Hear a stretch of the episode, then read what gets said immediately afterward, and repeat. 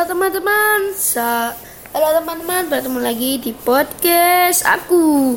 Kali ini di podcast ini aku akan memberikan 5 tips cara memilih sendal yang bagus agar kalian tidak kecewa ya guys. Uh, ini nih, yang pertama tentukan dulu ya ukuran kaki kamu dengan baik dan benar. Kalian harus tentukan ukuran kaki kalian yang baik dan benar, jangan asal milih ya.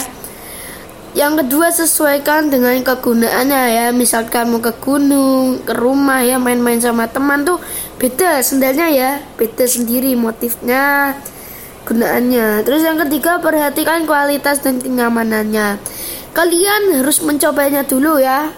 Agar kalian nyaman, kalian bisa bergerak tuh harus dicoba dulu ya untuk memastikan.